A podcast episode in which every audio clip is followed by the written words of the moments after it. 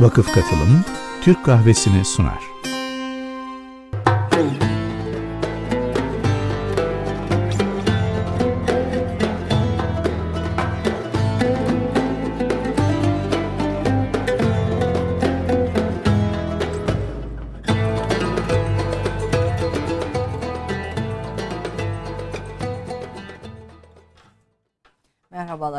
Türk kahvesinde çok kıymetli bir konum var. Profesör Doktor Kemal Sayar, bir şair, bir psikiyatrist, bir hekim, e, bir yazar aynı zamanda ve aslında müthiş bir entelektüel. Hem dünyaya e, dair hem Türkiye'ye dair e, okumalarıyla ve e, kitaplarında, eserlerinde bize yansıttığı dünyayla müthiş bir entelektüel. Biz sizden önce başladık konuşmaya, sohbete her zamanki gibi.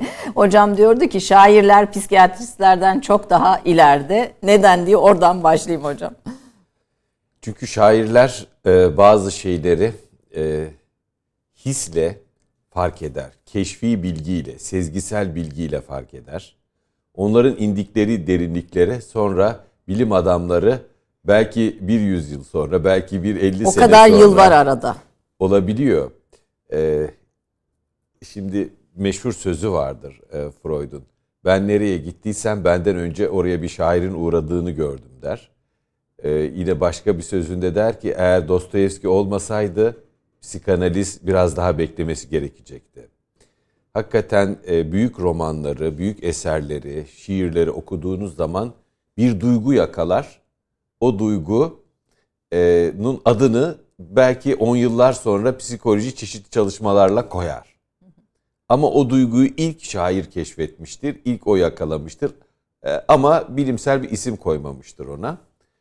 E, psikoloji o bakımdan e, edebiyata çok şey borçludur. Öncü keşiflere çok şey borçludur. Sizin eserlerinizde de çok edebi edebiyattan alıntılar var şairlerden, Tabii. yazarlardan ve aslında e, psikoterapiye ilişkin bütün unsurları hep onlarla destekliyorsunuz. Sebebi e, bu olsa gerek. E, tabii çünkü edebiyatta, şiirde insan ruhunun yalın gerçekliğini e, birebir e, kavrayabilen, çok yakından görebilen e, yardımcılar bizim için. Ee, ben hep öğrencilerime e, şiir okumalarını söylüyorum. Neşet Ertaş dinlemelerini söylüyorum. Niye Neşet Ertaş? Çünkü bu toprağın ruhaniyetini, bu toprağın irfanını, içinde bulunduğumuz kültürün nazenin derinlikli taraflarını oradan alabilirler. Ee, o hissiyatla o türküleri yani bütün Anadolu türkülerini kulak veren bir insan kendi insanına yabancılaşmaz. Şimdi netice itibariyle biz bir modern bilim icra ediyoruz. Bu modern bilimde batıda üretilen bir bilim. Benim bütün gayretim ömrüm boyunca e, kültürel olanı biraz daha dikkate getirmek oldu. Yani bu mesleki çabamın e, bir parçasını da bu oluşturdu. Yani bize mahsus olan nedir? Batı ile Doğu toplumları arasında farklı olan nedir? Bu acaba ruh hastalığına veya sağlığına nasıl yansır? Melekleri ürkütmek adıyla çıkan e, o en son derleme e, kültür ve psikiyatri üzerine yazılar. yazılar şöyle göstereyim. Evet. Yani bu, bu arayışın peşindeki yazılar. Yine terapi adlı e, bir başka kitabım psikoterapilerin kültürel içeriğiyle ilgili. E, şunu söylemek istiyorum. Yani Batı'da üretilen e, psikolojik kuramlar Batı'nın insan tasavvurundan etkilenerek oluşturulmuştur. Beyaz, protestan, efendim eğitimli, orta sınıf insanı baz alarak oluşturulmuştur. Buradaki genel geçer e, kanaatleri alıp siz buraya cut copy paste yaparak yapıştırarak uygulayamazsınız. Yani buraya değil Hindistan'a da uygulayamazsınız. Hindistan'a da uygulayamazsınız. Uzak Doğu'ya da uygulayamazsınız. Yani virüsa da uygulayamazsınız belki. Tabii, tabii. Ee, yani kültürel olanı fark etmek zorundayız. Bize mahsus olanı fark etmek zorundayız. Nerede farklılaşıyoruz? Nerede daha efendim e, cömert, daha fedakar davranıyoruz? Nerede bireyciyiz? Nerede toplumcuyuz? E, ailemizin hususiyetleri nedir? Tipik bir modern batı ailesinden ayrıldığımız, ayrıştığımız hususlar nedir? Buraya bakmazsak, bu topraklara özgü olanı fark edemezsek mesleğimizi de doğru icra edemeyiz. Peki bu bilimin içinde ne kadar yer buluyor? Yani sonuçta Batı'da bilimin serüveni aydınlanmanın sonunda ortaya çıkan ürünü, aydınlanmanın ürünü bir bilim yapıyorsunuz. Evet. Bir bilim dalı yapıyorsunuz ve genel geçer tedavi usulleriniz var ve bunların bir protokolü var, kuralı var, sınırları var. Bütün bu söylediğiniz kültürel faktörler buna ne kadar e, uyum sağlıyor, adapte oluyor veya siz bunu ne kadar buna dahil edebiliyorsunuz? Tabii e, postmodernitenin daha yaygınlaşmasıyla birlikte, daha nüf- dünyaya nüfuz etmesiyle birlikte bunlar daha fazla tartışılır oldu işin doğrusu. Çünkü modernlik tam bir intizam fikri üzerine kurulu. E, aydınlanma pozitivizmi de görebildiğine inanan, sübjektiviteyi ihmal eden, yani benim gördüğümle senin gördüğünün farklı olabileceğini kabul etmeyen, her gözün aynı şeyi görmesi gerektiğini düşünen, e, insan doğasının laboratuvara sokulabileceğine inanan bence naif bir e, bakış açısıydı. Biz dünyanın çoğulculuğunun artmasıyla başka kültürlerin de olabileceğini fark ettik. Ya Batı dünyası fark etti biz derken. E, ve e, onları da acaba dinlesek insanlıkla ilgili daha kamil bir anlayışa ulaşabilir miyiz? İnsanlıkla ilgili daha bütüncül bir kanaat geliştirebilir miyiz diye bakmaya başladılar. Bu da e, kültürel psikiyatri çalı- disiplinin doğmasına yol açtı. Antropolojinin e, psikiyatriye destek olmasına yol açtı. E, ve epey bir e, birikim oluştu. Mesela çok basit bir örnek vereyim. E, uluslararası bir veri olarak. Üçüncü dünyada şizofreni rahatsızlığının gidişi çok daha iyi.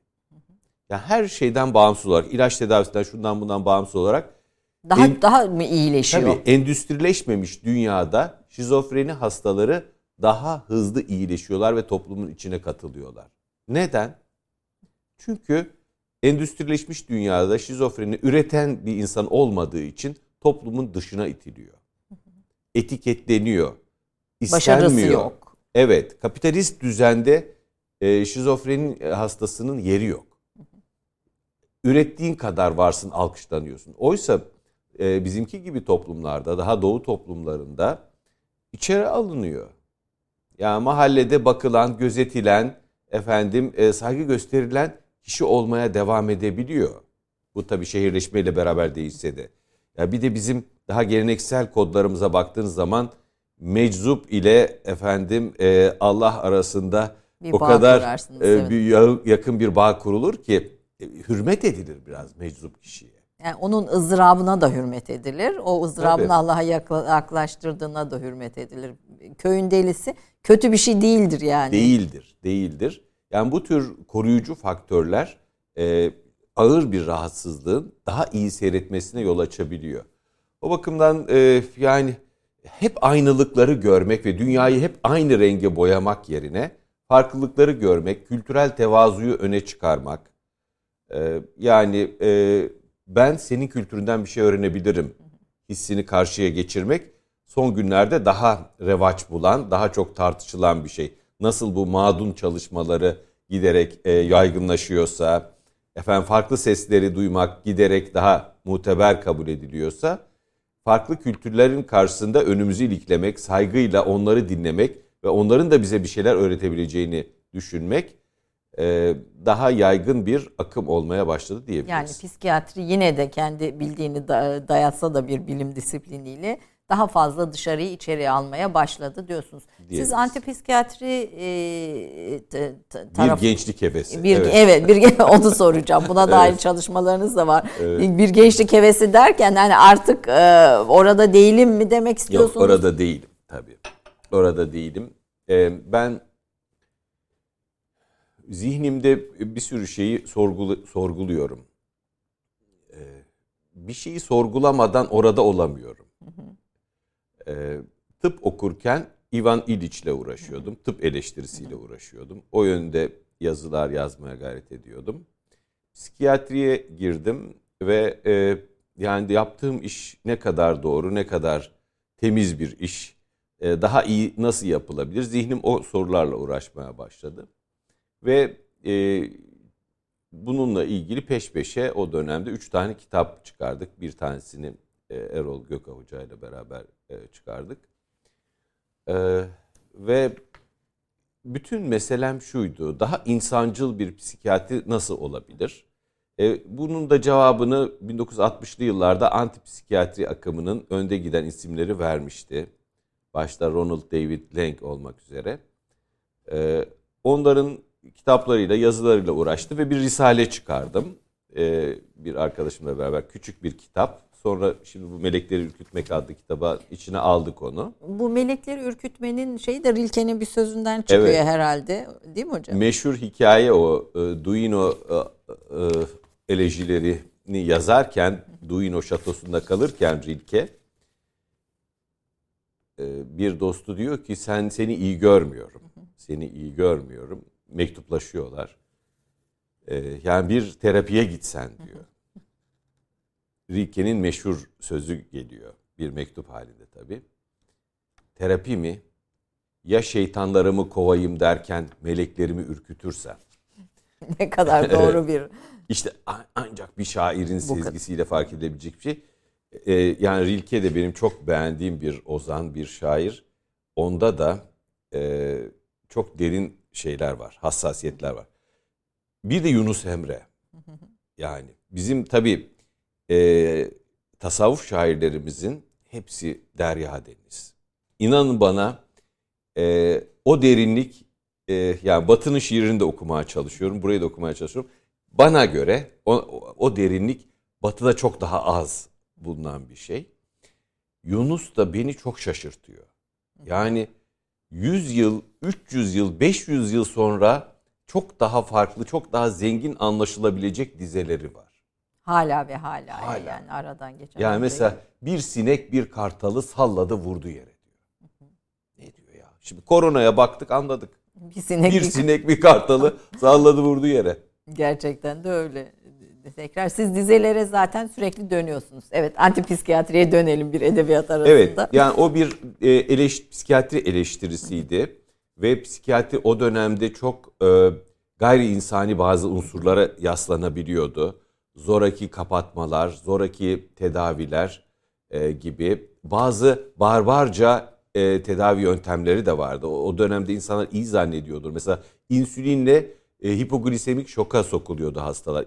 Fazla insülin zerk edilerek kan şekerleri aşırı bir şekilde düşürülüyordu. Veya soğuk çarşaflara sarma, efendim soğuk çarşafta buzla tedavi etmek falan gibi pek çok insan maalesef o dönemde e, bu hatalı tedaviler yüzünden e, hayatını kaybediyordu. Aslında antipsikiyatri e, bir anlamda statükocu psikiyatriye bir e, karşı çıkıştı.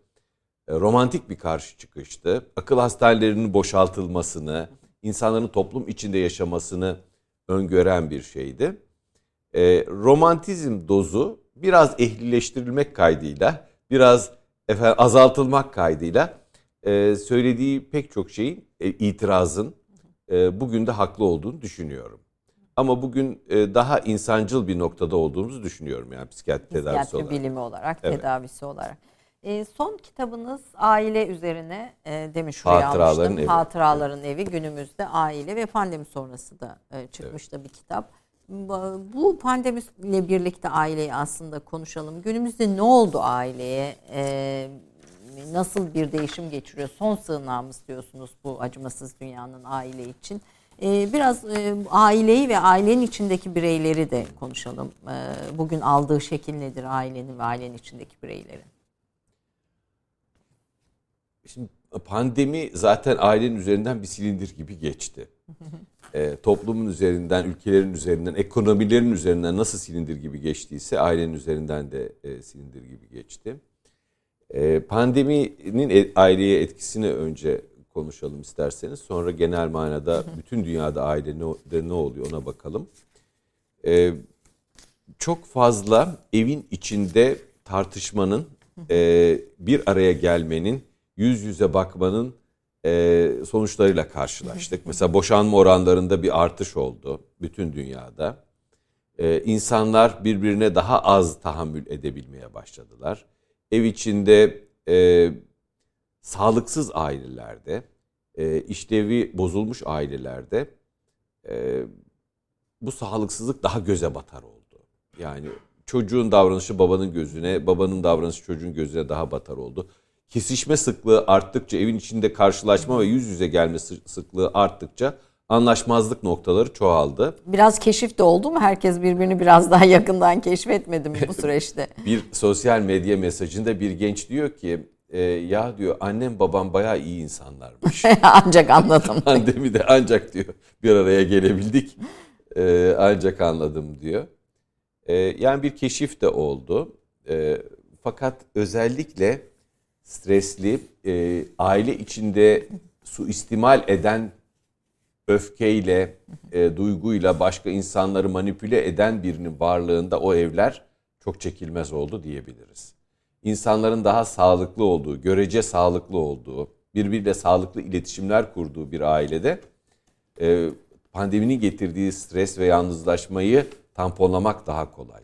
Ama bir ailede işlev dışı bir birey varsa yani aşırı narsistik, başka insanları manipüle etmek isteyen, öfkesiyle onlara galip gelmek isteyen e, bir insan varsa o ev kabus yerine dönebiliyor. Öyle örneklerle de e, karşılaştık. Buraya bir yine bir parantez açmak isterim. Böyle e, size gelen hastalarınız içinde böyle insanların sebep olduğu ve süren, devam eden hastalıklar ortaya çıkmıyor mu? Yani, Olmaz olur mu?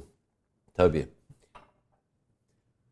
Yani çocukluk çağında alınan travmalar e, izlerini hep ileriki hayata taşıyorlar. Yani bu böyle insanlar dediğim dedik diyelim e, insanların ebeveynin diyelim sebep olduğu şeyler sadece kendileriyle ilgili değil sonuçlar. Tabii. Çocuklarında da devam ediyor diyebilir miyiz?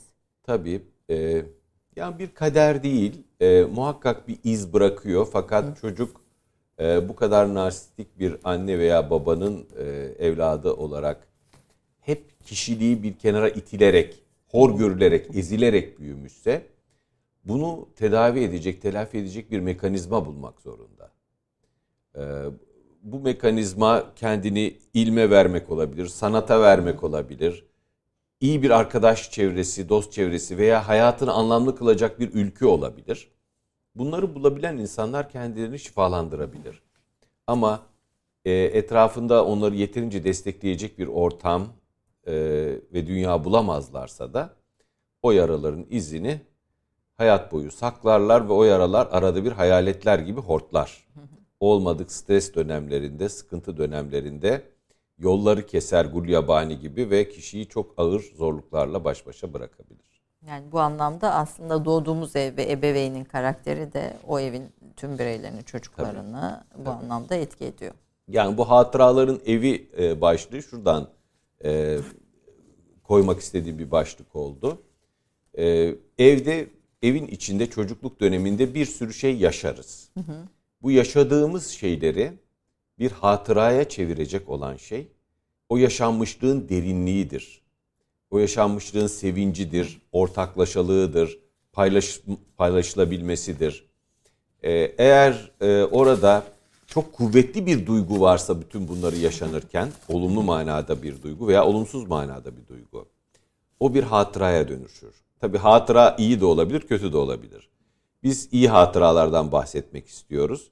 Evin içinde çocuk yeterince iyi bir şekilde sevildiğini, e, yeterince aynalandığını, iyi ki varsın duygusuna muhatap olduğunu, e, edildiğini görürse o yaşantı parçacıkları bir hatıraya dönüşür ve hayat boyu insanı ısıtmaya devam eder. Aile büyük bir simyadır o yüzden. Yaşanan anlar hatıralara dönüşür. O hatıralar da bize hayat boyu yardımcı olur.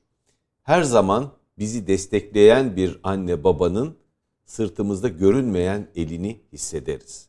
Yani bir çocuk eğer ruhunun e, ruhu bir ayazda kalmamışsa, soğuk bir sert kışında kalmamışsa, yani sevgisizliğin kışında kalmamışsa, ihmal edilmenin kışında kalmamışsa ve ihlal edilmenin kışında kalmamışsa, hayatta karşılaştığı zorluklarla her zaman baş etmeye, onlarla güreşmeye hazırdır. Ama bazı çocuklarda işte hayata biraz mağlup başlar. Onların da e, şansı, talihi e, güzel insanlarla karşılaşmakla, güzel ideallerle karşılaşmakla dön, dönebilir. Siz doğduğun ev kaderindir sözüne bu noktada da itiraz ediyorsunuz. Bu değişmez bir kader değildir. Yok asla değildir.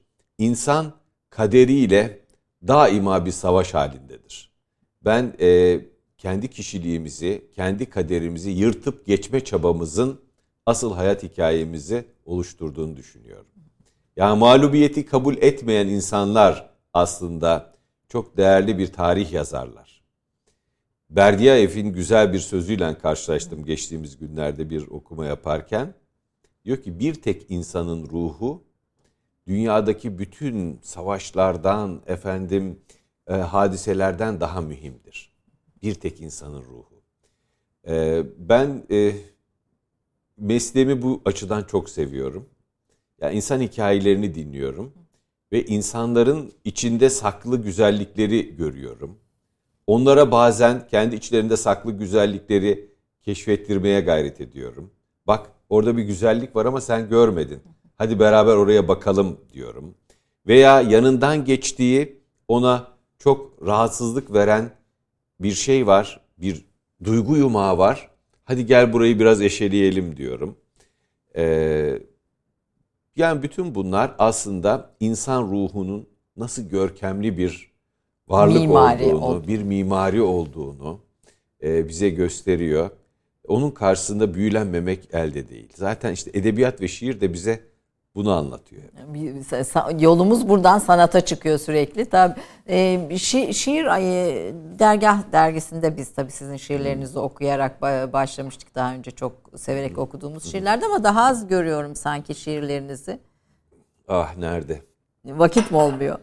Yani ben Ayşe Hanım şunu hissettim. Ee, şiir insana e, dünya yoğunluğundan, dünya hevesinden azat olduğunda geliyor.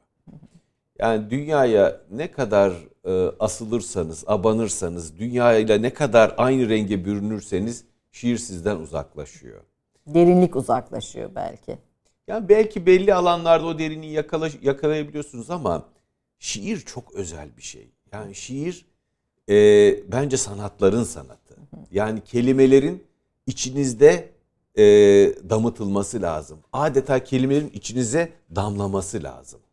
Bunun içinde benim e, kendi geçmiş e, yaşantılarıma baktığım zaman yalnızlık dönemleri lazım ve aylaklık dönemleri lazım. Şiir benden gitti dediğim bir dönem oldu. Bir gurbete gittim. E, Kanada'da e, misafir öğretim üyesi olarak çalışmaya gittim. O kadar yalnız kaldım ki yani orası neticede bir çok insan ilişkilerinin çok e, sıcak olmadığı bir toplum. Pat pat pat pat gelmeye başladı o yalnız gecelerde. Efendim e, bir dönem e, Trabzon'da tıp fakültesinde hoca olarak çalıştım. E, Fara- e, Karadeniz Teknik Üniversitesi'nde. Yalnız kaldım şiir gelmeye başladı. Yine e, öyle cep telefonumu kapatabildiğim, ekranları kapatabildiğim bir uzlet hali olabilirse geleceğinden eminim. Ama öyle bir hali yakalayamıyorum. Gelmiyor ama yine Kısmet. de mesela Be- beni sessiz de sevebilir misin diye bir kitabınız var çok da e, hoş. Bu burada bir şiir gelmiş Evet, yani evet, bir evet. bir gelmiş. Bu beni sessiz de sevebilir misin? Aslında hani şiir bunu çok da güzel anlatıyor. Eğer aklınızda ise Mısra dinlemek isterim. Şiir orada var okuyabilirim arzu Vereyim, ederseniz. vereyim lütfen. Tamam. Ee, aslında bu bu sessizlik e, bir taraftan sanata ve şiiri çağrıştırıyor ama bir taraftan da galiba kendimizi anlamayı ve dinlemeyi de beraberinde getiriyor. O yüzden dinlemek isterim sizden. Tabii sessizlik hiçbir şeyin yokluğu demek değil. Sessizlik bozulmamış zamandır. Sessizlik insanı onaran bir şey. Modern dünyada en çok korktuğumuz şeylerden bir tanesi. Merhum Nuri Pakdil, e, benim gençliğim e, büyük üstadları okuyarak geçti. Nuri Pakdil onlardan birisi, Sezai Ay, Karakoç, Karakoç, evet. onlardan bir tanesi. Allah ikisine de Hatta babanız, eylesin. anneniz ve size emek verenlerin ardında onları sayıyorsunuz. Muhakkak, muhakkak. Yani Cemil Meriç Üstad, e, Allah rahmet eylesin. Hepsi çok büyük ruhlar bunların. Ee, o e, Edebiyat Dergisi'nin ofisine kabul ettiği insanları bir sessizlik seremonisine tabi tutarmış. İki saat susarmış. Nuri Pakdil. Tabii. Geliyorlar.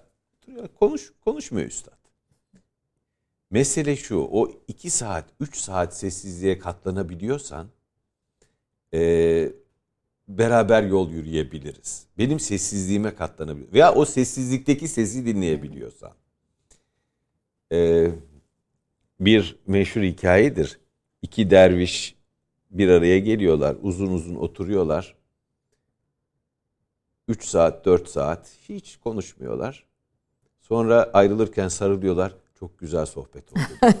Bu sessizliğin İşte sohbeti. o sessizliğin sesini dinleyebilmek çok önemli. Evet. Şifa yaptır o. Şifa yaptır. Sessiz oturabilir miyiz seninle? Aramızda yaprakların hışırtısından ve ceylanların hayata çıkışından başka bir ses olmadan. Beni sessiz de sevebilir misin? Yağmur almış toprağı ve üşüyen kainatı dinlerken araya dünya sözleri karışmadan. Biliyor musun, çekirgelerin, unutulmuş ülkelerin, kahrından kuruyan nehirlerin diliyle konuşabilirim seninle. Duyabilirim seni, hiç konuşmadan. Kalbinin atışlarını duyabilirim. İçinde bir yaz gezmesine çıkan çocuğu ve dudağın en uzak sokağında biriken dilini hayatın. Sökebilirim, öğrenebilirim. Sözcükler, bağırtılar, klaksonlar ona karışmadan. Ay sesiyle, gün sesiyle, gül sesiyle tırmanırım kalbinin tepesine ve işte zakkumların diliyle konuşabilirim seninle. Rüzgarın ve acının bildiği dilde.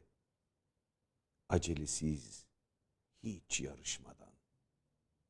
Sessiz oturabilir miyiz seninle? Bu biraz da e, bir günümüz aşklarının çok patırtılı, çok gürültülü olmasını, e, sürekli WhatsApp mesajlarıyla, internet mesajlarıyla, Instagram postlarıyla tıklım tıkış doldurulmasını da biraz eleştiren bir şiir. Bağıran sevgi nidalara. Ba- evet. Aslında tabii benim bir de gençlerin çok sevdiği bir e, kısa şiirimsi hikayem var. Şiir hikaye arası bir şey. E, Sonsuza dek Sofi diye. Şimdi e, biz şiirleri yazdık, ilerledik, yaşlandık, saçımıza aklar düştü, sakalımıza aklar düştü. Fakat 20'li yaşlardaki gençler bu şiirleri hala okuyorlar, keşfediyorlar. E, ve Severek okuyorlar. Severek okuyorlar ve bana çok ilginç sürprizler yapıyorlar. Bu şiirleri okuyarak birbirine evlenme teklif edenler, evlenenler yani böyle şeyler karşıma çıkıyor. Bu da beni çok e, memnun ediyor işin doğrusu. E, orada da e, o sonsuza dek e, Sofi'de. Sofi'de e, bir e, aşk teması var. E, fakat o, o aşk temasında şey diyor. Biz şarklılar yani e, daima mağlup olanlar yani hep konuşamayacağı kızlara aşık olanlar. E, böyle bir tema da var bizim kültürümüzde. Yani böyle sevip de söyleyememe teması. Ona da e, bir şair diyor ki bir İngiliz şair love that never told can be. Ancak söylenemeyen aşk aşktır. Ge- Gerisi hikaye. Evet, gerisi aşk Gerisi hikaye, hikaye. evet. Efendim kısa bir reklam arası verelim. Başlıklara kaldığımız yerden devam edelim.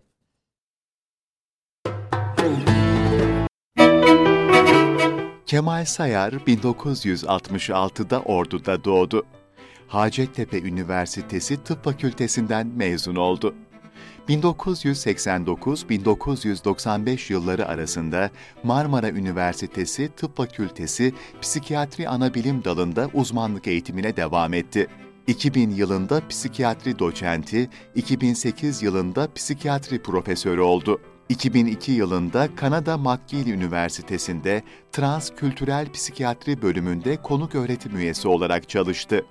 Bakırköy ve Erenköy Ruh Sağlığı ve Sinir Hastalıkları Hastanelerinde klinik şefliği görevlerini yürüttü. Hala Marmara Üniversitesi Tıp Fakültesi Psikiyatri Anabilim Dalı Başkanıdır. Çeşitli ulusal ve uluslararası dergilerde danışmanlık ve hakemlik yaptı. Psikiyatri konulu çok sayıda kongre ve sempozyumda düzenleyici ve konuşmacı olarak yer aldı. Mesleki çalışmalarının yanı sıra Açık Radyo ve Star Televizyonu'nda Ruhun Labirentleri, TRT'de İnsanlık Hali adlı programı hazırladı ve sundu.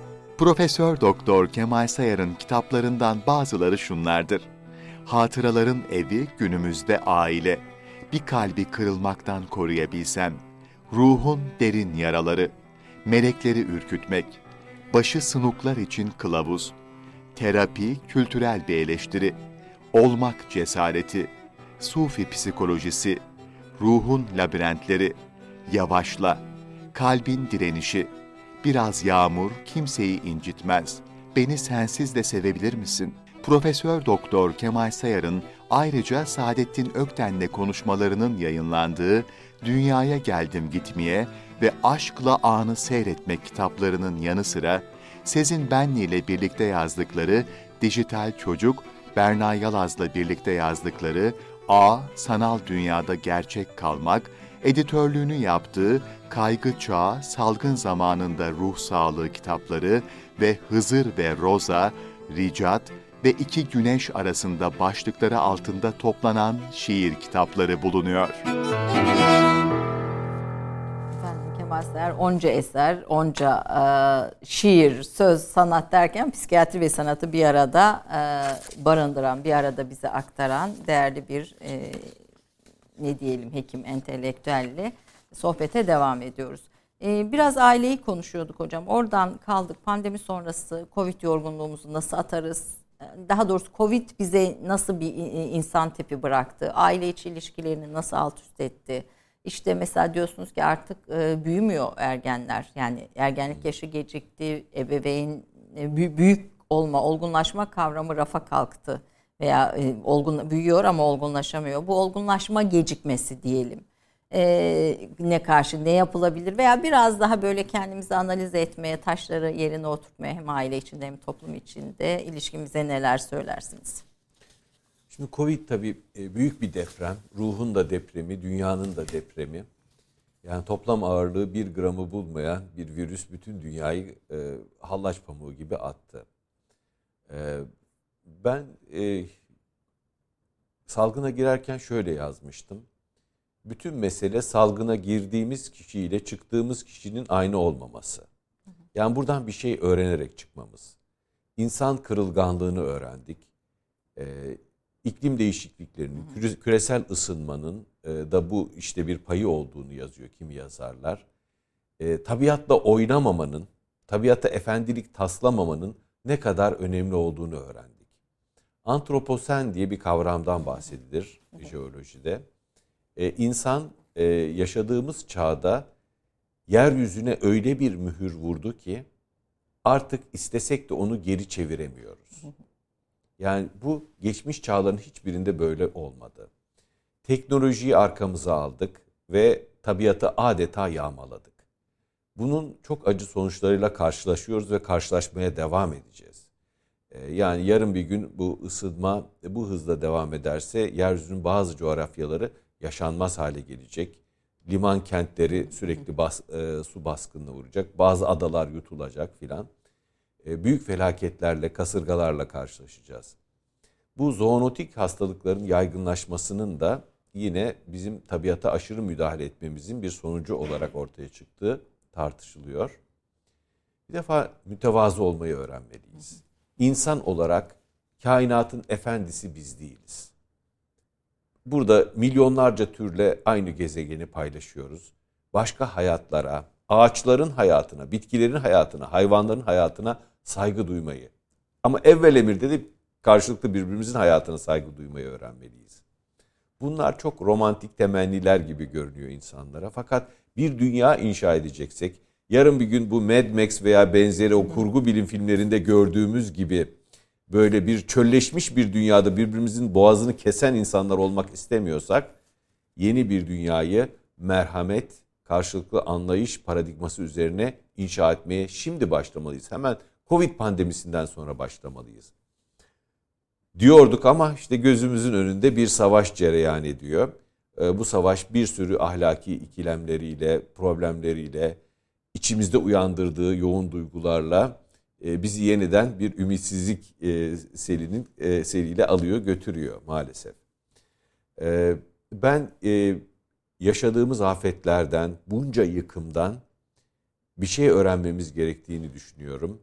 insanın içinde destrüktif, imha edici bir taraf var. İnsan kan dökücü bir varlık. Yani bu Habil'e Kabil anlatısında da karşımıza çıkıyor. Kur'an'da söylüyor. Tabii. fıtratı. Evet yani insanın fıtratında bir katil nöbet bekler.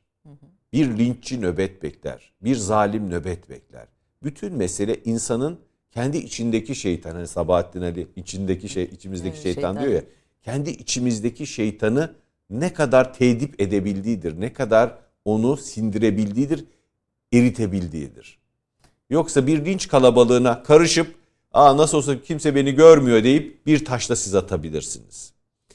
Ee, yani bütün mesele e, galiba bu salgından iyi bir şekilde e, biraz insani olarak olgunlaşmış bir şekilde çıkmayı başarabilmek, birbirimizi yağ kuyruklarında ezmemeyi başarabilmek, efendim e, darlık, zorluk anlarında tesanüt duygusunu, dayanışma duygusunu biraz daha diri e, tutmaya gayret edebilmek.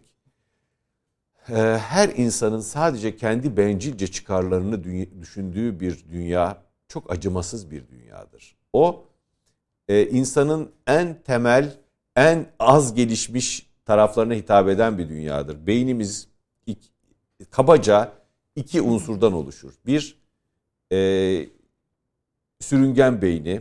Sürüngen beyninden kasıt yani bir sürü varlıkla ortaklaşa paylaştığımız e, beynimizin en temel çekirdeği hayatta kal, savaş diyen ya da savaş e, savaşmak için hayatta kal diyen e, bizi ilkel hızlı tepkiler vermeye, hayatta kalmak için hızlı tepkiler vermeye zorlayan bir tarafımız. Bir de korteksimiz. Bizi bütün hayvanattan ayıran efendim sanatla, adalet duygusuyla, merhamet duygusuyla, soyut olanla buluşturan yüksek bilişsel işlevlerimiz. Yani sürüngen beyninden e, Öbürüne yüksek korteks işleve, kortekse e, terfi etmemiz Siz lazım. buna biraz akıl ve kalbin birleştiği bir yerden de tabii, bakıyorsunuz. Tabii tabii. Akıl ve kalp. Yani sadece şimdi e, rahmetli Ali İzzet Begoviç'in çok güzel bir sözü var. Bilime evet ama sanatın olduğu bir dünyada diyor. Akla evet ama kalbin olduğu bir dünyada. Yani kalbin tedip etmediği, kalbin hudutlarını çizmediği bir akıl e, atom bombalarını da üretir. Efendim o e, termobarik e, bombaları da üretir. Misket bombalarını da üretir. Ama kalp, duygu bir sınır çizmelidir. İnsanın iştihasına, tamahkarlığına, agresyonuna, içindeki imha özlemine bir sınır çizmelidir. Başka türlü biz hakikaten içinde bulunduğumuz gezegeni yok ederek, birbirimizi yok ederek türümüzü bitirmiş, Bitirmiş olacağız ve o bütün o apokaliptik senaryoları maalesef haklı çıkarmış olacağız. Ben hep şey merak ederim hocam böyle e, bir katil içimizde yani illa ki herkesin içinde bir kötü var. Yani de- dip derinliklerinde, karanlıklarında. E, karşınıza oturduğunda bir işte bir iyileşme şansı olduğunu görür müsünüz? Human diye bir belgesel var. Ee, o belgeselde e, siyahi bir gençle sohbet ediliyor. Bu genç bir eve girmiş. Ee, bir anne ve kızını soygun için bir eve giriyor. Ee, ve anne ve kızını katlediyor. Onun hikayesini anlatıyor şeyde. Bir röportaj var. Diyor ki hayatım boyunca e, babam, üvey babam e, beni cezalandırdı diyor. Dövdü diyor. Çok ağır bir şekilde dövdü diyor. Ben e, bir insanla ilgilenmenin doğru yolunun ona şiddet göstermek olduğunu anladım. E, böyle hissettim diyor. Yani e, yani bir insanla ilişki kurmanın tek yolu budur. Hep şiddet gördüm diyor ve sonra da diyor, büyüdüğüm zaman çetelere karıştım. Soygun çetelerine girdim ve e, ilişki kurmanın tek yolunun şiddet olduğunu gördüm. E, benim için çok rutin bir şeydi bu diyor. Yani bir şiddet uygularken bir duygu hissetmiyordum. Neyse böyle bir hadise oldu ve hapse girdim. O kadının katlettiği kadının annesi onu hapiste görmeye geliyor. Anne anne. Konuşuyor onunla ve diyor ki seni affediyorum. Seni affediyorum çünkü sen ne yaptığını bilmeyen bir çocuksun diyor. ve ilgilenmeye başlıyor. Geliyor gidiyor, ilgilenmeye başlıyor. Orada o psikopat katil bir e, e, etiketleyeceğimiz şeyden o belgeselde üç tane yaş şey yapıyor. Ben diyor sevgiyi ilk defa işte maalesef canını aldığım o hanımefendinin annesinde gördüm diyor. İlk defa birisinin benimle gerçekten ilgilenebildiğini gördüm diyor. Şimdi sevgi her şeyin ilacıdır. Psikopatinin ilacı da sevgidir. Psikopatinin kaynağı da aslında Sevgisiz. sevgisizliktir. Sevgiye muhatap olmamışlıktır. Değer bulmamışlıktır. Yani bir insan niçin öldürür? Tanrısal bir zevk edinmek için. Çünkü ancak Tanrı, ancak Allah bir insanın canını alır. İşte Norveçli katil.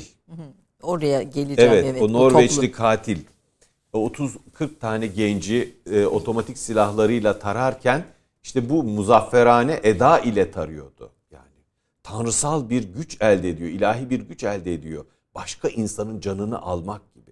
Ama orada bir başka fikri de var. Yani o insanların mülteci olması, işte aralarında ya Norveçlileri öldürdü o. Öyle ama sonuçta işte mültecilere destek veren yani mültecilerin hmm. Norveç'e hmm. destek vermesini ve, ve e, veren hmm. bir partinin temsilcilerini gençlik kamp, kampında öldürdü. Yani siz sebep Hı-hı. oluyorsunuz. Yani bir tür Hı-hı. arkasında ırkçılık var aslında. Evet. evet. Ee, be, beyaz ırkın üstünlüğünü sabote ediyorsunuz diyor. Be, be, üstünlüğünü Tabii. korumuyorsunuz diyor. Yani bir fikir burada bir e, katliama sebep olmuyor mu? Ve mesela bugün Tabii. de baktığımızda Rusya-Ukrayna meselesi de başta olmak üzere biz Avrupa'da yeniden yükselen ırkçılığı, işte öjenik hareketleri görmeye başladık. Yani yeniden Avrupa için öjeniksi ele alan makaleler ortaya çıktı. Ve bir beyaz insanın üstünlüğü ve diğer ırkların, Müslümanların, dinlerin e, daha aşağıda olduğuna ilişkin fikirler bunca eşitlik fikrinin yayıldığı Avrupa'da e, yükselen bir e, şey fikir haline geldi, fikir akımı haline geldi. Bunu nasıl görüyorsunuz, de, nasıl değerlendiriyorsunuz? Yani bizim gibi toplumlar çatışma toplumları Kavgaları henüz bitmemiş hem kendileriyle hem birbiriyle ama Avrupa bu çatışmayı bitirmiş bir toplumdu. Tekrar orada yeniden nasıl yükseldi bu ıı, ırkçılık diyeyim. İkinci Dünya Savaşı'nın e, modern aydınlanmacı zihniyetinin zirvesi olduğunu tartışır bazı yazarlar. gerek Birinci Dünya Savaşı gerek İkinci Dünya Savaşı e, öldürme aygıtının gelişmesinin e, ve aklın artık şahika noktasına, salt aklın, kalple tedip edilmemiş aklın şahika noktasına ulaşması neticesinde adeta bir boşalma, bir katarsis gibi gerçekleştiğini yazarlar. Ee, insanlar arasında duvarlar örme, insanları biz ve ötekiler diye ayırma e, çok ilkel bir mekanizmadır. Ve insanlar e, kendilerini tehdit altında hissettiğinde bu biz ve onlar ikilemine kolaylıkla savrulabilirler. Gelişmiş bir zihin bizdeki onları, onlardaki bizi görür. Yani duvarlar inşa etmez, köprüler inşa eder.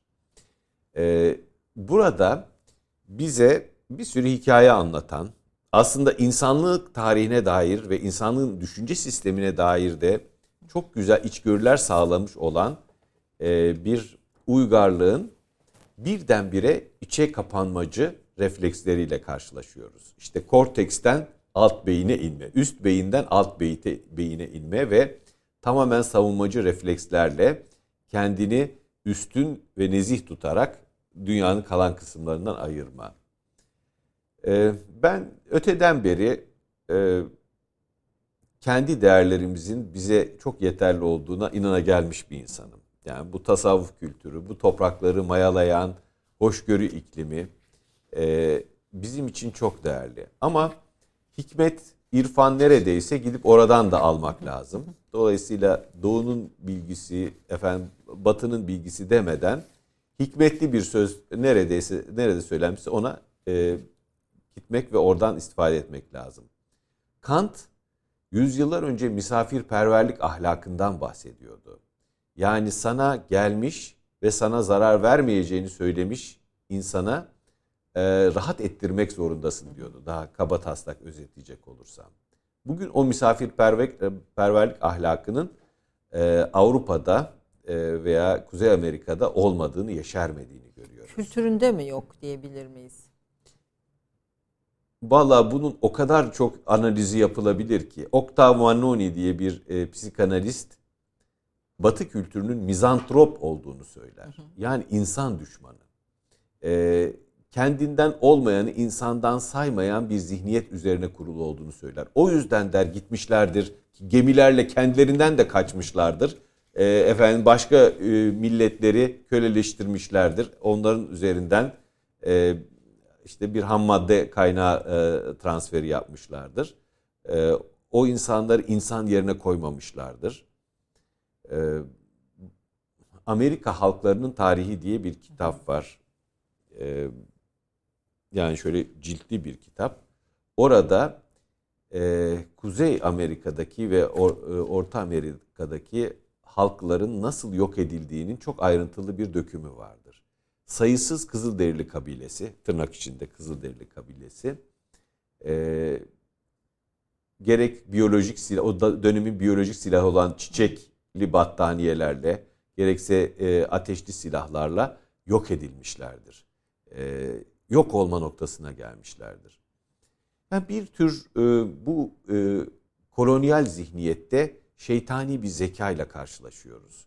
Karşısındakinin e, yok olmasına e, en ufak bir merhamet kıpırtısı göstermeyen, efendim Hindistan'da dokuma tezgahı e, ustalarının baş parmaklarını kesen, onu e, sanatlarından e, efendim mahrum bırakan, Belçika'da, Kongo'da e, yeterince altın çıkaramayan çocukların kollarını kesen, hakeza yine e, Kuzey Amerika'nın keşfi sırasında e, İspanyollara oradaki yerli halka yaptıkları. Tabii o American Holocaust diye Amerikan Kıyameti diye bir e, kitap okumuştum yıllar önce. E, köpeklere yerlilerin çocukları böyle baş aşağı tutula, tutularak kafaları yediriliyor. Yani öyle resimler çizmiş. E, tarihsel resimler var. Korkunç şeyler.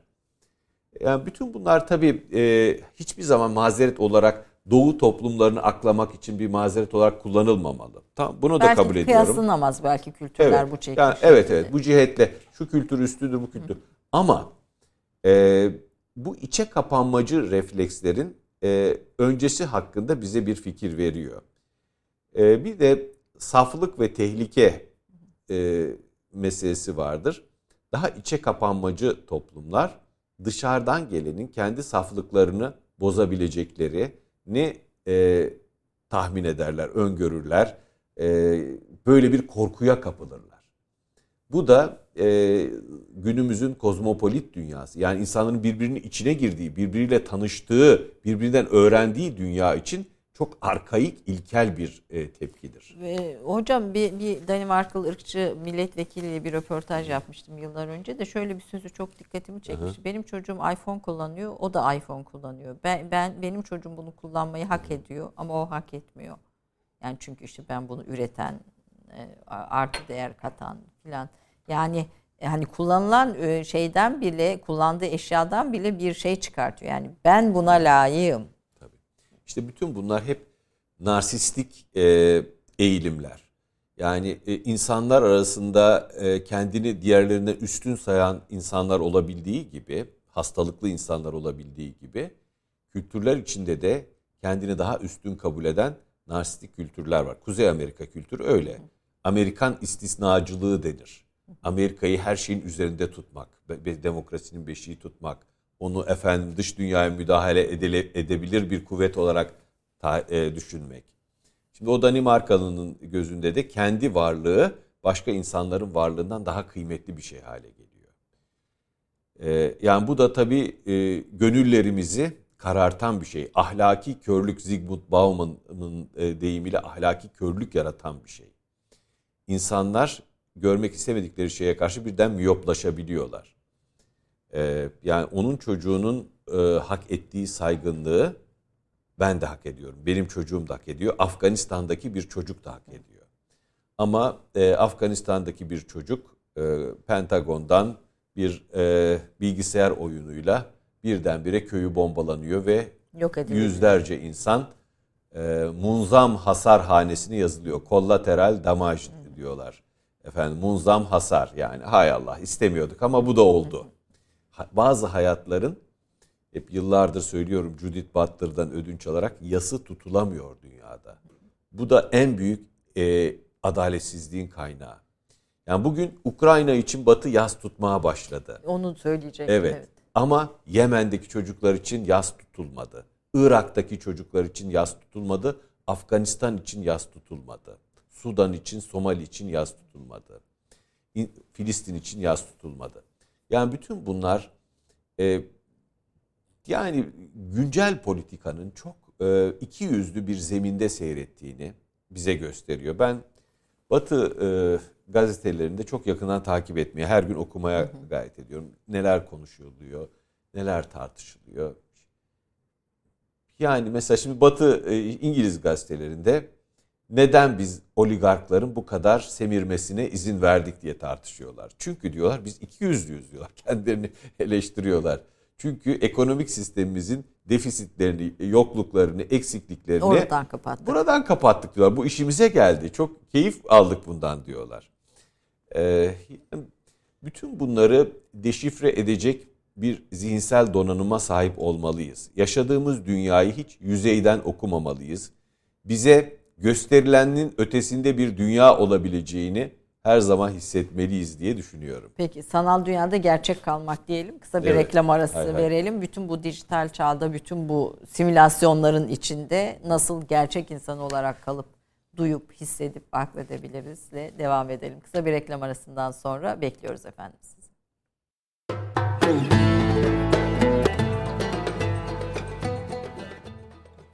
Efendim Türk Kahvesi'nin son bölümündeyiz. Profesör Doktor Kemal Kemal Sayar'la hem toplum olarak hem birey olarak ruh halimizi konuşuyoruz. Ee, bir yazınızda diyorsunuz ki ne, Neşet Ertaş üstadımız İstanbul'a gelince şaşırıp kaldım. Kimse kimsenin yüzüne bakmıyordu. Bakacak bir çift göz bulamadım. Kimse de benim gözlerime bakmadı diyor. Bana çok dokunur onun bu sözleri. Hakikaten göz göze, yüz yüze iletişimi diriltmenin yollarını bulmalıyız diyorsunuz. Bir taraftan sanal dünya ve sanal dünyada kaybolmuş insan hakikati. Bir tarafından birbirinin yüzüne bakmayan, birbirine dinlemeyen bir insan topluluğu haline geldik. Pandemide yalnızlığımızı ve bu iletişimsizliğimizi daha da artırdı. E, neler söylersiniz bunu e, telafi etmek için? İşte mutluluk dediğimiz o büyük hani çok belki de abarttığımız her şeyin hep güllük gülistanlık olması gerektiği şeklinde tasvir ettiğimiz o büyük e, ideali diyelim gerçekleştirmenin e, yolları arasında e, neleri söylersiniz? Biraz onun üzerine de konuşalım. Hem iletişimsizliği gidermek hem de mutluluk dediğimiz şeyi fazla mı abartıyoruz diye sormak isterim. Ee, göz göze gelişte bizi ahlaka çağıran bir şey vardır. E, filozof Levinas e, ahlak yüzde başlar der. E, ahlak yüzde ve gözde başlar aslında. E, insan yüzünde bizi ahlaka çağıran bir şey vardır. Vicdana çağıran bir şey vardır. Hikayesini dinlediğimiz ve yüzünü gördüğümüz bir insana kolay kolay kötülük yapamayız ilginç bir çalışma var. Marshall İstatistiği diye. Ee, Birinci Dünya Savaşı'ndan başlayarak cephelerde savaşan askerler birbirlerine doğrudan pek ateş edemiyorlar. Yani yüzde yirmi, yüzde otuz oranlarında ateş ediyorlar. Ve e, karavana yukarı sıkıyorlar. E, sanki ateş ediyormuş gibi. Ee, bir komutan, e, Marshall adlı bir komutan bunu araştırmaya karar veriyor. Neden yeterince adam öldüremiyoruz? Yani bu savaş verimini nasıl artırabiliriz diye. İnsanların e, insani hikayelerine ortak olduğu ki Birinci Dünya Savaşı'nda biraz daha Çanakkale Harbi'ni hatırlayalım. Bizim taraf türkü söylüyor, o taraf konserve atıyor. Karşılıklı şeyler var, insani etkileşimler var. var, iletişimler var. Ee, böyle durumlarda insanlar zarar veremiyor. Hele de uzaktan e, yüzünü gördüğü bir insana. Ve e, yavaş yavaş e, e, bu istatistiği artırmak için e, bazı savaş oyunları geliştiriyorlar. Savaş oyunlarında kolayca insanları öldürüyorsunuz. Bilgisayar üzerinden 1960'lı yıllarda ilk bilgisayarlarla simülasyon oyunları çıkıyor filan. Bugünkü saldırgan video oyunlarının temelinin de orada atıldığı söyleniyor. O deneyde da- Evet. dayanarak. giderek e, istatistik yükseliyor. Yani karavana atışlar düşüyor. E, Vietnam Savaşı'nda %70-80'lere e, çıkıyor hakiki atış, yüz yüze atış. Ve artık Körfez Savaşı ile beraber zaten neredeyse e, bir e, Atari oyunu gibi, bir Şehrayin gibi uzaktan bir düğmeyle e, insanları yok edebildiğiniz bir savaş düzenine geçiyorsunuz. Yani yüz görmeye de gerek kalmıyor artık. Atom bombası da biraz öyle değil mi? O, E, tabii, yani hiç tabii. görmeden binlerce insanı yok etti. binlerce insanı ve bir iki nesli birkaç sonraki nesli mahvetti. Ee, yani yüz yüze geliş, göz göze geliş e, insanın insana zarar vermemesinin birinci derecede temin edicilerinden bir tanesi. Çünkü e, beynimizin tam arkasında hem ahlak alanı, onun komşusu olarak da görme alanı var. Ee, biz görmediğimize daha kolay zalimlik yapıyoruz. İnternette bunun e, örneklerinden bir tanesi. İnsanlar anonim kimliklerle, anonim kimliklerin zırhının arkasına saklanarak tıpkı kalabalığın içinden bir yumruk atarsam kimse beni görmez zihniyetindeki gibi ötekine kolaylıkla zarar verebiliyor, kolaylıkla iftira atabiliyor, kolaylıkla kara çalabiliyor. Ee, bu internetteki anonimlik zırhının bize sağladığı bir kolaylık.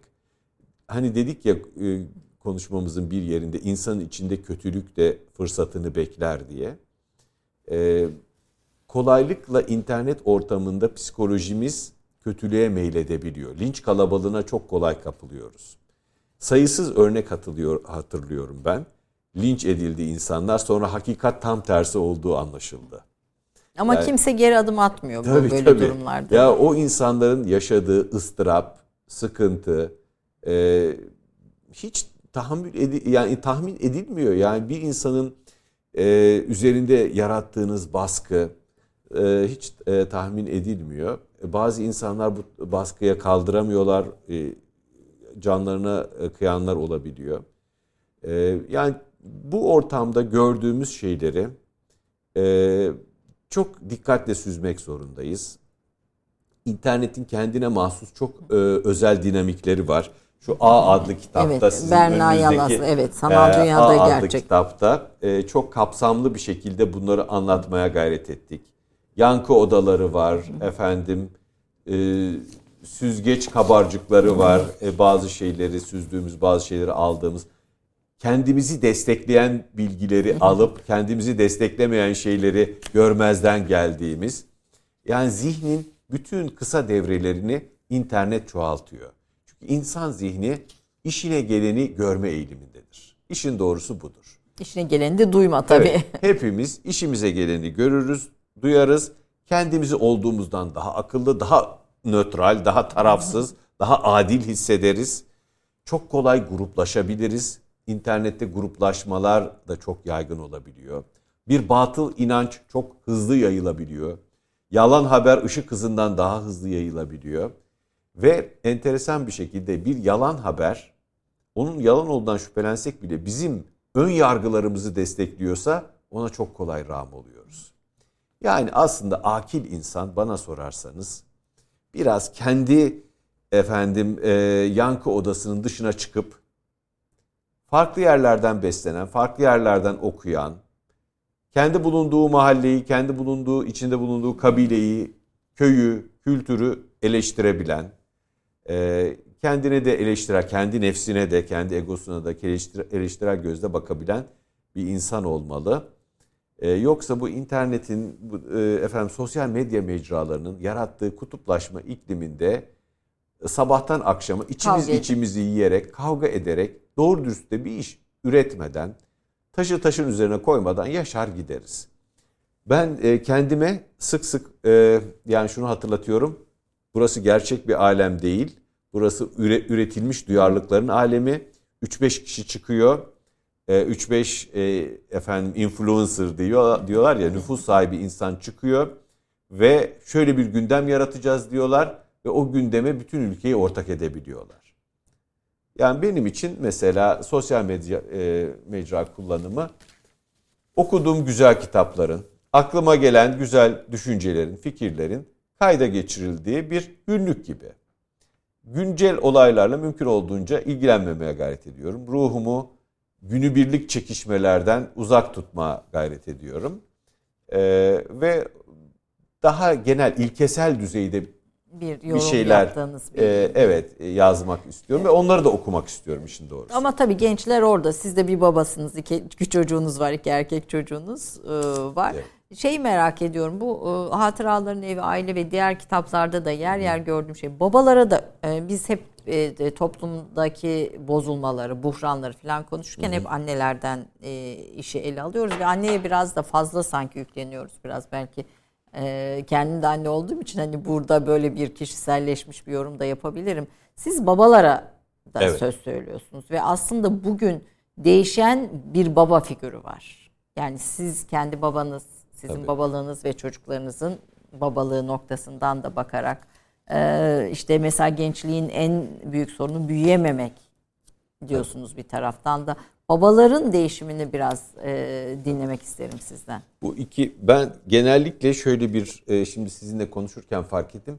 Siz sonunda bir soru daha soruyorsunuz. Ben o ikinci soruları hep unutuyorum cevap verirken. Yo, ben bakmayın. iç içe soruyorum ya estağfurullah. Ne olur bana hatırlatın yani unuttuğum e, soruları. Yani babaların önemini bir aslında konuşalım. Evet. Değişimini ve önemini konuşalım. Babayı eve geri getirmek zorundayız. Baba evin içinde değil. Ee, Evin içinde olsa da değil sanki bir evet, evet. telefonuyla, evet. bilgisayarında. Evin içinde değil. Ben sayısız hikaye dinliyorum her gün bununla ilgili. Baba bir psikolojik ceset halinde. Bu ne demek? Orada ama psikolojik varlığı yok. Psikolojik varlığını hissedemiyoruz. Duygularını, düşüncelerini benimle ilişki kurmadığı için hissedemiyorum. Bir çocuk adına konuşacak olursam. Babayı kanlı canlı, yaşayan, hisseden, sevgisini gösteren, ihtimamını gösteren bir varlık olarak eve geri getirmeliyiz. Ee, niye yok yani? Niye, niye, niye yok? kaçtı evden baba? Niye yok? Ee, baba kendini sadece ekmek kazanıcı olarak, e, ekmek eve ekmek getiren bir kişi olarak tanımladı. Duygusal varlığına ihtiyaç duyulmadığı kanaati yüzyıllar boyunca devam etti. Efendim e, bugün e, çağımızda birçok şeyi eleştiriyoruz ama eleştirmeyeceğimiz güzel şeylerden bir tanesi de babanın psikolojik varlığına duyulan ihtiyaca işaret edilmesidir. Yani psikoloji artık diyor ki sadece anne anne olmaz. Yani baba da ortada olmalı. Baba da çocuğun hayatında var olmalı. Çünkü babanın da oynadığı çok önemli roller var. Hele erkek çocuklarının gelişiminde, cinsel özdeşiminde, efendim e, etraftaki saldırganlıkla baş etmesinde, dış dünyayı tanıyabilmesinde baba vazgeçilmez bir öneme sahip. Dolayısıyla çocuğun yetiştirilmesinde baba orada olmak zorunda. Özgüven noktasında babanın tabii, katkısı da tabii, herhalde tabii, büyük. Tabii. Yani babayla özdeşim e, kurabilen çocuklar daha yüksek bir özgüvene sahip oluyorlar. Ama e, çok e, eleştirel babaların, annelerin çocukları da daha pısırık, e, hayata çok e, sağlam adımlarla başlayamamış da olabiliyorlar. Yani burada şeyi de dikkat etmek lazım. Çocukları hak etmedikleri övgülerle şişirmemeye. E, o çocuklar da yarın bir gün hayatın gerçekleriyle karşılaştıkları zaman tuzla buz olabiliyorlar. Hep söylediğimiz bir şey kitaplarda, başka kitaplarda da söylenen bir şey. Çocukların çocukları bir bütün olarak övmeyelim veya bir bütün olarak yermeyelim. Davranışlarını övelim, iyi davranışlarını övelim. Bak şu davranışın güzel diyelim ya da e, yanlış davranışını yerelim. Bu e, gelişemeyen e, çocukluk meselesine gelecek olursak bu sefer unutmadım ikinci tamam, soruyu. Evet ben de hemen e, hatırlatacaktım. Ee, yani çok enteresan bir şekilde uzamış bir ergenlikle karşı karşıyayız günümüzde. Yani e, ergenlikten yetişkinliğe geçilemiyor Geçilemiyor mu? evet. Yani 30'lu yaşlara kadar ergenlik neredeyse devam ediyor. Erken başlıyor çünkü cinsel uyaranlarla çok erken karşılaşıyor çocuklar. Aşırı seksüelize edilmiş bir kültürle karşı karşıyayız. Özellikle bu pop müzik endüstrisi tamamen cinsel imgeler üzerinden dönüyor. Efendim bu müzik kanallarında cinsel imgelerle çok fazla karşılaşılıyor. Televizyonda, internette çocuk yaşından evvel bunlarla karşılaştığı için hatta e, püberte yaşı, blue yaşının da daha öne doğru geldiği e, dünyada tartışılıyor. E, sonra da çıkamıyor. O sorumsuz dünyada e, herhangi bir şeyi üzerine alınmaması, e, alınmasının gerekmediği, bir taşın altından elini koymasının gerekmediği bir dünyada sınırsız olarak kalmak istiyorlar. Ee, anne babadan ayrılıp kendini hayatını kuramayan, hala PlayStation e, oynayan e, çocuklar e, özellikle e, orta sosyal sınıflarda, orta ve üst so, sosyoekonomik katmanlarda çok yaygın bir fenomen. Ha daha e, efendim. Peki bu yaşlarda evlilik yapıyor çocuklar bir de bir taraftan tamam yetişkin olamıyor aile içinde hmm. kalsa belki daha tolere edilebilir. Ama sonuçta evleniyor kendisi de bir aile kur, kuruyor. Yani yetişkin olmadan bir aile kurmuş olmuyor mu? Orada da galiba hep aileler birbiriyle evleniyor. Ondan sonra da büyük çatışmalarla karşılaşıyoruz. Yani insan kendi ayaklarının üzerinde durup e, etraftaki gölgeleri gölgelerden bağımsız hareket edemezse e, anne babalar hep işin içinde oluyorlar. Kararları onlar veriyorlar. E, ve o serin gölgeden de gençler bir türlü çıkmak istemiyor. Çünkü çok tatlı orası. Yani para kazanmana gerek yok. Kira ödemiyorsun. Efendim, kira ödemiyorsun. Hayatta en önemli, en zor kararları senin adına birileri alıyor. E, böylece e, büyümek zorlaşıyor. Z kuşağı dediğimizde bir mefhum var. Yani bu, bu Z kuşağını böyle biraz işte dijital ve teknolojinin, dijital çağın teknolojinin büyüttüğü bir kuşak olarak tanımlıyoruz aslında. Ebeveynlik rolünün gerilediği bir kuşak. E, bu Z kuşağını nasıl gözlemliyorsunuz siz? Çünkü ergen terapiste yapıyorsunuz. Onların eğilimlerini, sorunlarını nerede görüyorsunuz? Şimdi bir yönüyle çok kül yutmaz bir kuşak. Ee, tabii bu kuşak meselesi çok tartışmalı. Yani biraz aslında e, konsümerizmin, e, reklamcılık endüstrisini yarattığı bir şey olduğu bu e, söyleniyor. Fakat daha bilgisayar nesli diyelim yahut o Jean Twenge'in ay nesli dediği e, insanlardan e, bahsedelim. Elektronikle çok haşır neşir olmuş bir kuşak geldi. E, bunlar bir defa çok e, kül yutmaz bir kuşak çünkü konuştuğunuz her şeyin hemen Google'layıp doğru mu yanlış mı olduğunu bir check ediyorlar. E, ikincisi otoriteden pek haz etmeyen bir kuşak. Anne baba otoritesi bile bu çocuklarımıza işlemiyor.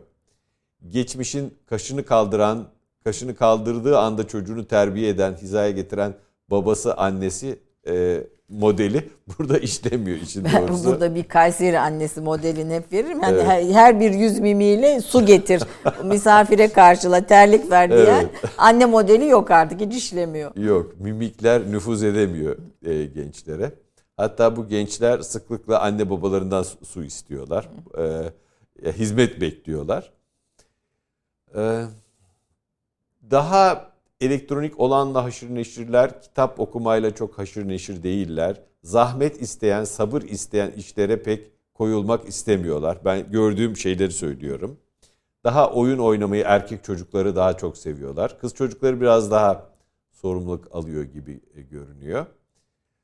Ee, yani bu nesilde bu nesilde bir şeyler olacak. Bu nesil belki her şeyi sorgulamasıyla, efendim otoritenin kendi üzerlerinde çok fazla baskı kurmasını kabul etmemeleriyle, e, kül yutmazlıklarıyla kendilerine ayrı bir alan açacaklar diye düşünüyorum. E, Can Tipenge'nin araştırmalarında intihara 14-15 yaşlarda bir intihara meyil, depresyona meyil, kaygı bozukluğu da var aslında bu nesli tarif ederken.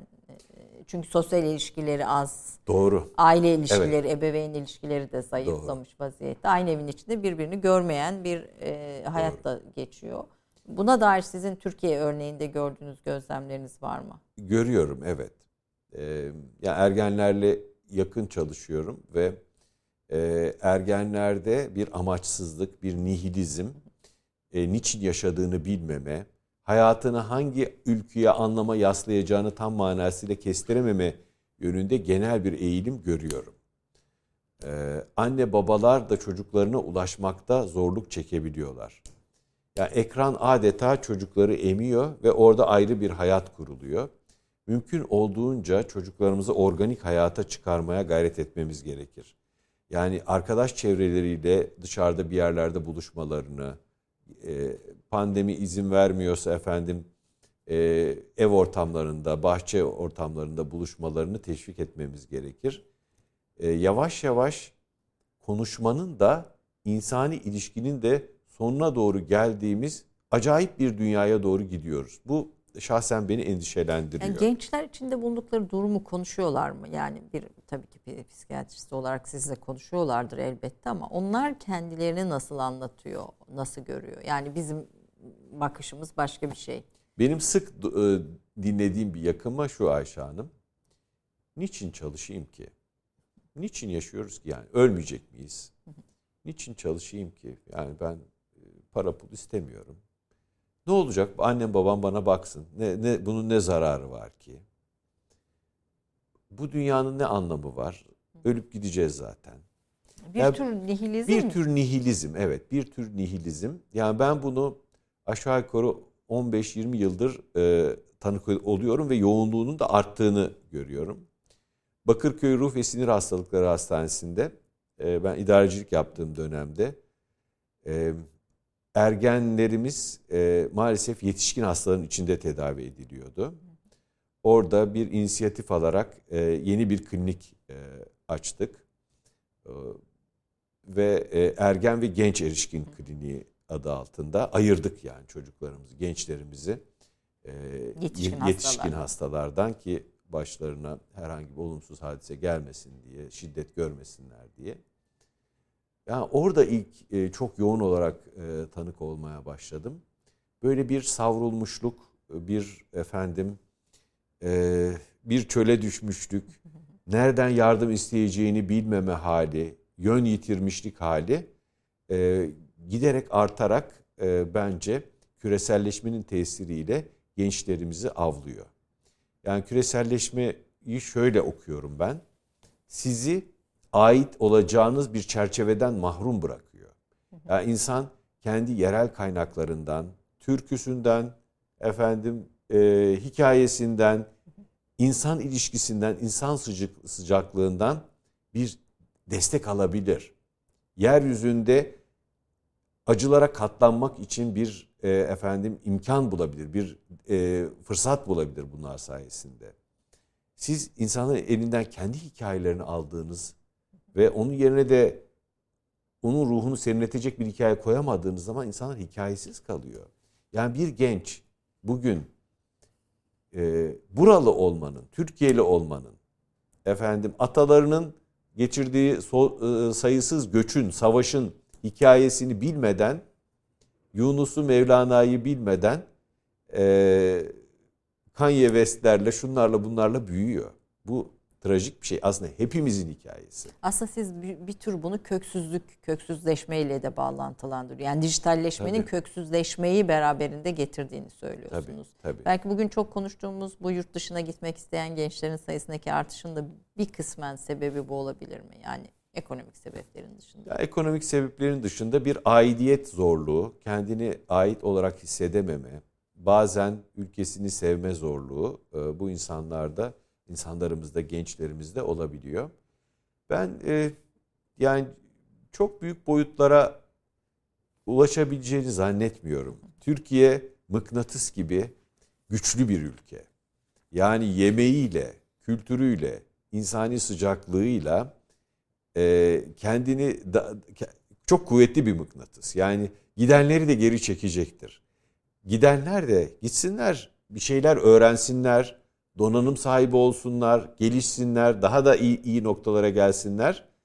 Ya gelsinler buraya, hani İsmet Özel'in bir şiiri var. İçimden şu zalim şüpheyi kaldır, ya sen gel ya beni oraya aldır diyor. evet. Ee, dizeleri. Ee, yani ya da oraya iyi noktalara gelsinler. Buradan e, çocuklarımızı, gençlerimizi alsınlar, yetiştirsinler. Ee, önemli olan burayla duygusal rabıtayı kaybetmemek. Yani Türkiye ile e, Türkiye göğüyle, ayla, hilalle, yıldızla e, rabıtayı kaybetmemek. Türkiye merkezli düşünmek diyorsunuz burada. Evet belki. ben şimdi keşke e, bulabilsek belki bizi dinleyen dostlardan e, birisi gönderir. Montreal mektuplarında e, sınırı geçiyoruz. İran kökenli Kanada vatandaşı bir arkadaşımla. İyi ki varsın pasaportumdaki hilal. Sen varsan var hayallerimiz dediğimiz bir şiirim vardı. Onu bir dostumuz bulur da bana gönderirse onu da okuruz. Efendim sonuna da geldik program Öyle ama bir şiir iki güneş arasında Heh, onu okuyalım, e, peki. ben de çok e, okuyun arzu ediyorum. Aslında Tamam. şiirleriniz de bir taraftan kendimizi anlamaya, üzerinde kendimiz üzerine düşünmeye de bir vesile oluyor. Bu ve- vesileyi. Şiir e, sözün darasıdır. Yoğunlaşmış sözdür. Dolayısıyla e, yani bazen o kadar güzel anlatır ki bizim böyle sayfalarca konuştuğumuz şeyi e, iki tane dize anlatıverir. E, geçenlerde Niyazi Mısri'yi konuşuyoruz. Saadettin Ökten Hoca'yla e, radyo programında. O çok güzel bir beytini söyledi. Bugün Ferhat ben oldum, varlık dağını deldim. Bu kadar. Varlık dağını delmek. Ne O büyük bir metafor. Nasıl bir şey büyük ya bu? Yani bu Evet. değme varoluşçuların ah, Muammer Yıldız Bey sağ olsun göndermiş. O zaman iki şiir okuyayım. İki şiir okuyalım. Tabii Peki. efendim büyük bir şeyle zevkle dinlemek isteriz sizi. İki mehtap arasında. Her aşk bulunduğu kalbin şeklini alır. Toprak kokusu deyince o rüyaya aşk çözülür. Geriye menekşeler kalır. Solmuş menekşeler, derinliğin tarihi, yenik kavimlerin tarihi. Sevmek ateştir diye seslenir biri. Yalnız o mu? Kavuşmak ateş, kalbini bıraktığın sular ateş, şarkılar ateştir. İki mehtap arasında kaldı gönül. İki güneş, iki gökyüzü arasında. Bir buluta karşı iki güneş durduğunda her ölüm kendi gövdesinin şeklini alır. Bu iki mehtap arasında şiir biraz da Şeyh Galip'e selamdır bu. Selamdı. Bu izleyincilikten çıkan bir kitabınız bu kitapta. Evet, Bugün evet. masamızda yok ama e, Evet. güzel bir şiir Eğer e, şimdi okuyabilirsem, evet sağ olsun Muammer. Dostlar bizi izliyor. Muammer Muammer Bey'e de teşekkür edelim. Sağ olsun. e, teşekkür ediyoruz. Evet, Mo- Montreal mektupları 13'te. e, Pasaportunuzdaki hilale teşekkür ettiğiniz bir. e, evet, o kısım vardı ama onu şimdi hızlıca bulamadım. Devamını izleyicimiz okur. Siz buyurun. Nereden isterseniz buyurun. Evet, onu belki e, yardımcı olurlar bize. E, bu yine bir gurbet halinde e, böyle 20 tane mektup Montreal'de yaşadığım zamanda geldi. 13. mektubu okuyoruz. Gitmek fethetmektir yahut yenilmektir kan kusarcasına. Hikayen doğrulanmalı uzaklarda. Sessiz bir onay, mütebessim bir başeyiş. Ararız sokulduğumuz her sokakta. Oysa gençken nasıl da çırpınırdık yanlışlanmaya. Öğretsin isterdik hayat bildiği ne varsa. Acımadan, susmadan kafamıza vura vura. Gitmek bük- bükülmektir yalnızlığa. Öğle sonu güneşine çarpmaya aday bir haylazlık. Okul kaçkınlığı, yetişkin mazereti berduşluğa. Çünkü sen koynunda bir güneşle dönersen yazın ilk günleri okula, mağrur bir padişah gibi surları yıkarak, yani çitlerden atlayarak saklıca, hep gidecekmiş gibi yaşarsın da, dünyada bir gurbet tadı olur ağzında. Gitmek özlemektir doya doya, karnaval misali bir uykuya karışıp kaybolmaktır. Gitmek dönmektir güya, kaçı döner gidenlerin, dönenlerin kaçı gitmiştir ya da. Gitmek hazırlanmaktır, mihrumah arasında çıkacağın son yolculuğa. Yani bu da böyle bir gurbet şiiri ama Giden- onun e, bir giden gençlere ithaf edelim bunu Evet. gitmek isteyenlere. gidenler gidenler burayla aşk duygusunu hiç kaybetmesinler. Ee, rahmetli Fethi Gemuhluoğlu, Saadettin Ökten hocamız yurt dışına ilk çıktığı zaman demiş ki evladım uçaktan iner inmez bir Fatiha, üç kul Allah'ını oku. Artık oralar senindir demiş. Evet bu Evet. bu bu tavsiyeyi biz de gençlere buradan verelim efendim. Çok çok teşekkür ediyorum. teşekkür çok güzel ederim. bir sohbet oldu. Bu kadar kitabın birçoğuna değinemedik ama en azından küçük başlıklara yer verdik. Tekrar bekleriz her zaman için. E, vakit ayırdınız, geldiniz. Ben Ben çok kıymetli bir hocayı, Profesör Doktor e, Kemal Sayar'ı, bir psikiyatrist, bir şairi bugün konuk ettik. Mümkün vaktimiz el verdiğince onun birikiminden istifade etmeye çalıştık. E, haftaya bir başka konukta görüşmek üzere. Hoşçakalın efendim.